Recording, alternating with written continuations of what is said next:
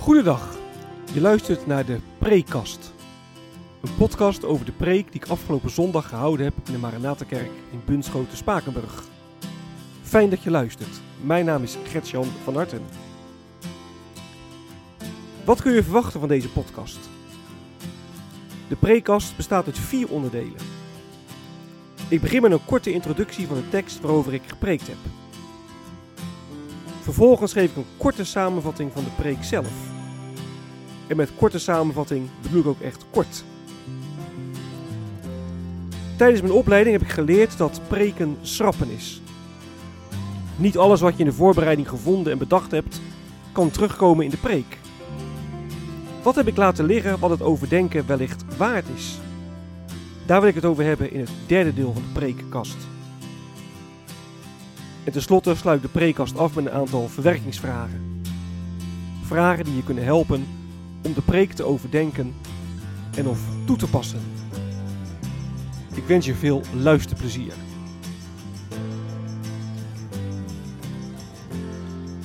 De tekst.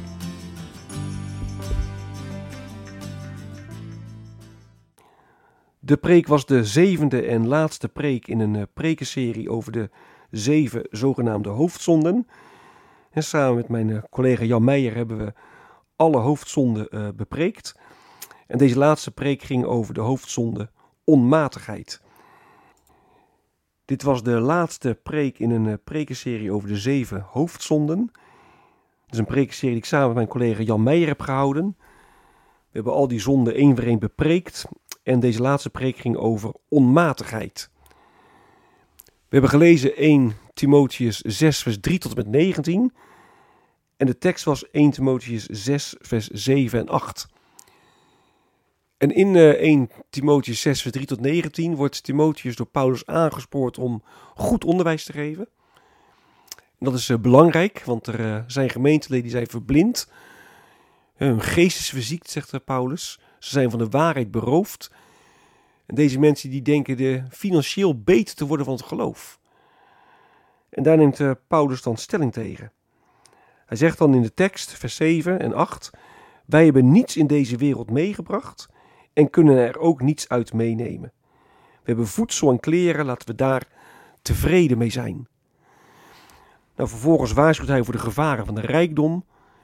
Timotheus moest zich daar echt ver van houden. Hij moet de rijke gemeenteleden opdragen om niet hoogmoedig te zijn. Hij moet ze aansporen om hun uh, rijkdom goed te gebruiken om hun geld verantwoord te besteden. En dan eindigt het gedeelte dat we gelezen hebben met: Zo leggen ze een stevig fundament voor de toekomst en winnen ze het ware leven. De preek.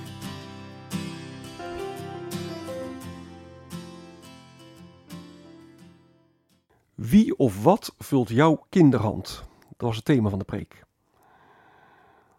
Onmatigheid is een van de zeven hoofdzonden. Toch wordt de onmatigheid niet altijd als zonde beleefd. He, onmatigheid wordt in onze tijd eerder als een recht dan als een, dan als een zonde gezien. En dat terwijl onmatigheid ja, aantoonbaar slechte gevolgen heeft. als je overmatig eet, overmatig drinkt, dan leidt dat tot gezondheidsproblemen. En dan uh, ja, heb ik het niet eens over de vernietigende gevolgen van ja, verslavingen gehad onmatigheid gaat ten koste van je gezondheid, maar het gaat ook ten koste van, ja, van de schepping. Er is wel uitgerekend dat wanneer iedereen op deze wereld eenzelfde levensstijl zou hebben als wij hier in het Westen, dus iedereen de wereld zoveel zou consumeren als wij doen, dan zou je meer dan drie planeten nodig hebben. Oftewel, wij, wij consumeren hier veel te veel.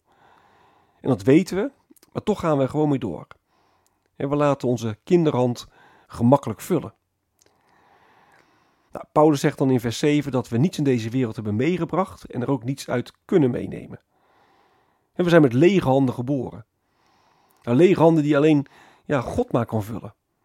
En wat wij alleen maar kunnen doen is onze, onze lege handen ophouden.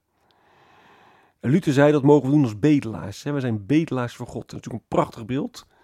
Dat toont ook echt onze afhankelijkheid. Maar je kunt ook zeggen, we mogen het doen als kinderen van God. Dus niet alleen maar als bedelaars, maar ook als kinderen van God. En dat wil zeggen, we mogen het doen in het vertrouwen Ja, dat God, die onze hemelse Vader is, dat die onze handen zal vullen. We kunnen niets uit de wereld meenemen. Paulus herinnert ons eraan dat we eens zullen sterven. Maar daarmee is het nog niet afgelopen. We hebben het eeuwige leven. Een eeuwig leven, dat is niet pas het leven na de dood. Nee, we leven nu al eeuwig. Het leven voor en na ons sterven, dat ligt in elkaars verlengde. Ons leven hier en nu, kun je ook zeggen, staat in het licht van ons leven na de dood. Nou, straks mogen we eeuwig op de nieuwe aarde wonen. En daarom hoeven we nu niet alles uit het leven hier en nu te halen.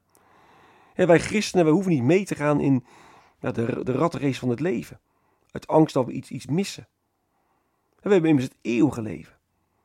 Er wacht ons een geweldige toekomst. Nou, ook daarmee wil onze hemelse Vader onze kinderhanden vullen. Wees tevreden met voedsel en kleren, zegt vers 8. Nou, ben je dat? Ben je er echt tevreden mee? Of heb je ja, meer nodig om gelukkig te kunnen zijn? in hoeverre ben je nou echt, echt rijk met God? kunnen en willen wij ja, zo beleven en genoegen nemen met ja, alleen het noodzakelijke? Nou, het is goed om wat dit betreft allereerst jezelf de spiegel voor te houden. Het is niet te wijzen naar anderen, dat doen we heel snel. Dan zeggen we nou, die gaat veel te vaak op vakantie. Of die vliegt veel te veel. Of die leeft veel te luxe. Nee, de vraag is: kan ik genoegen nemen met eten en kleding? Nou, het zou mooi zijn als we daar ook elkaar nog zouden kunnen bevragen. Maar dan niet om elkaar de maat te nemen, maar om elkaar echt te helpen om ja, het gevecht tegen de onmatigheid aan te gaan. En niet als doel op zich, maar altijd met als doel om God steeds meer de bron en doel van ons leven te laten zijn. Nou, wie of wat vult jouw kinderhand? We hebben onszelf niet in de hand. Maar realiseer dat God onze Vader is. En wij eeuwig leven hebben. Dan kun je tevreden leven. Wat is blijven liggen?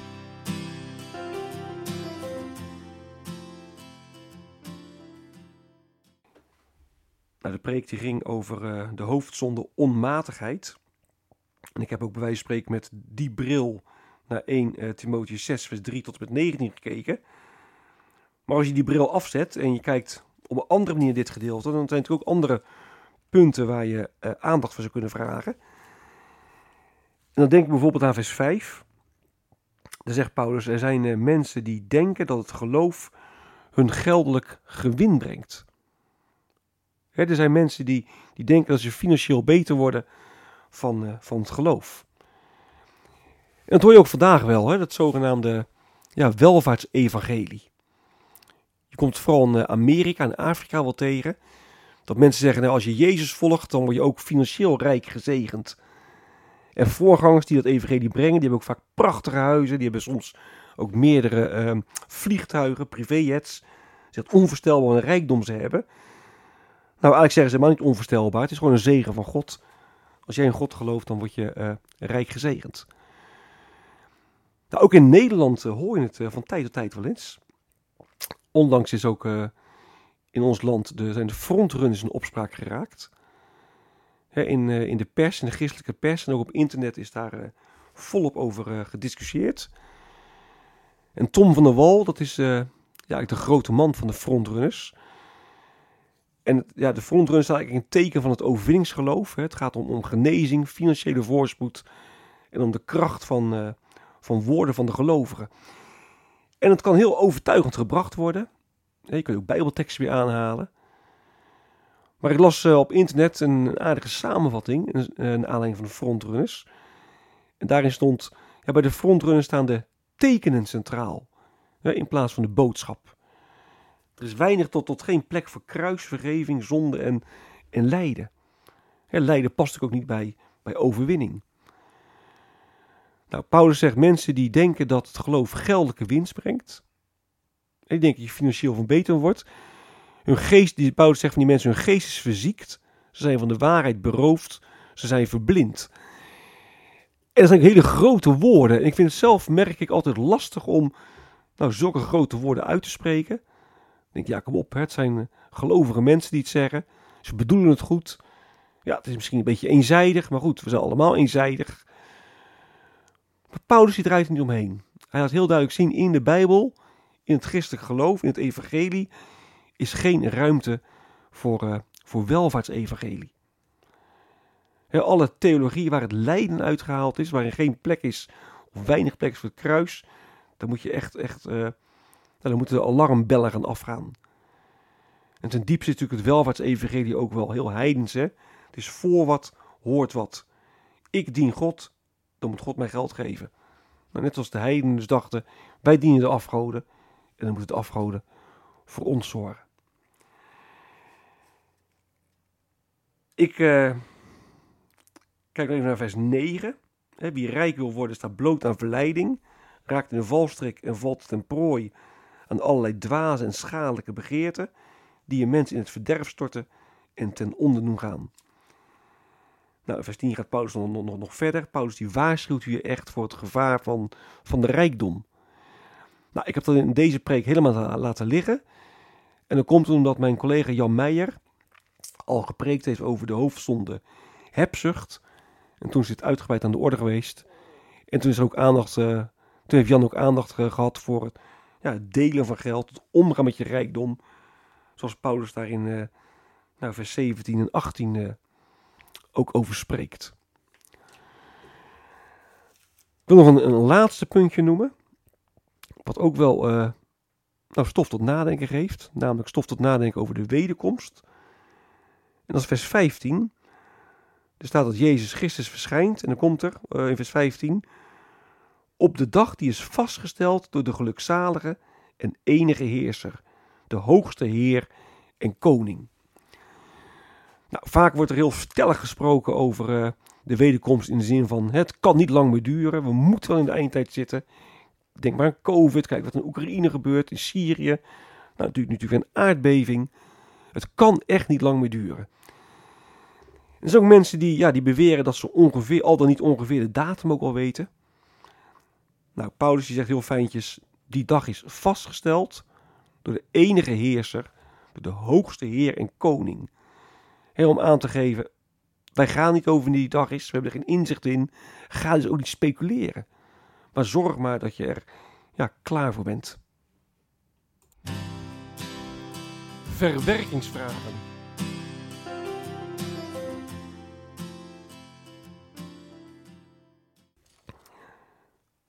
Ook dit keer weer uh, een viertal vragen over na te denken. Om wellicht ook met anderen, op kring bijvoorbeeld, over door te spreken. De eerste vraag is: in hoeverre ben jij tevreden met voedsel en kleding? dat wil zeggen met, ja, met het noodzakelijke. Paulus zegt dat we hebben voedsel en kleren, laten we daar tevreden mee zijn. Nou, in hoeverre ben je dat ook? Tweede vraag is: wat betekent het nou um, voor je consumptiegedrag dat je het eeuwige leven hebt? Het feit dat je straks voor eeuwig op de nieuwe aarde mag, mag wonen, mag leven. Wat betekent dat voor je consumptiegedrag uh, nu? Ik noemde in de preek het voorbeeld van Parijs. Een keertje een dag geweest ben en van hot naar her uh, holde om alles maar te zien. Ik moest alles uit die dag halen. S'avonds was ik uh, ja, back af. Ben ook een keer een week in, in Parijs geweest. Had je veel meer tijd om alles rustig te bekijken. Dan hoef je niet alles uit die ene dag te halen. Dan geniet je ook veel meer je, je, je, ja, je consumeert dan echt heel anders. Nou, als je weet dat het niet over is met de dood, omdat je eeuwig leven hebt, dat je dus ook na je sterven nog verder leeft, dat je straks weer eeuwig op nieuwe aarde mag wonen, wat betekent dat dan voor je consumptiegedrag? In de preek heb ik gezegd, wij hebben lege handen, is de derde vraag. Ik refereerde aan Luther, die zei, wij zijn bedelaars. En we staan als bedelaars voor God. Prachtig beeld. Maar ik heb gezegd, we staan niet alleen maar als bedelaars voor God, we staan ook als kinderen van God voor God. Dus we staan niet alleen maar als bedelaars, maar ook als kinderen voor God. En eh, nou, welk beeld spreek je meer aan? Bedelaar of, of, of, kind? Of vult het elkaar aan? Of nou, heb je geen voorkeur? Daar uh, kun je over nadenken en over doorspreken. En de laatste vraag is: hoe belangrijk vind jij het om duurzaam te leven? Het gaat over onmatigheid, over uh, nou, zonder maat consumeren, over meer en meer uh, willen consumeren, over verleidingen die door reclames op je afkomen. over prikkels die je binnenkrijgt om maar, weer te consumeren, om maar meer te consumeren. Nou, als je daarom over nadenkt, je denkt over de, nou, het feit dat de aarde op een gegeven moment uitgeput is. Hoe belangrijk vind je het dan om, om duurzaam te leven? Is dat een thema waar je over nadenkt? Ben je daarmee bezig of niet? Dit is het einde van de prekast. Mocht je vragen of opmerkingen hebben, dan kun je me mailen op mailadres van hartengretjan.gmail.com van hartengretjan.gmail.com Ik wens je nog een hele prettige dag. Hartelijk dank voor het luisteren. En wie weet tot een volgende keer.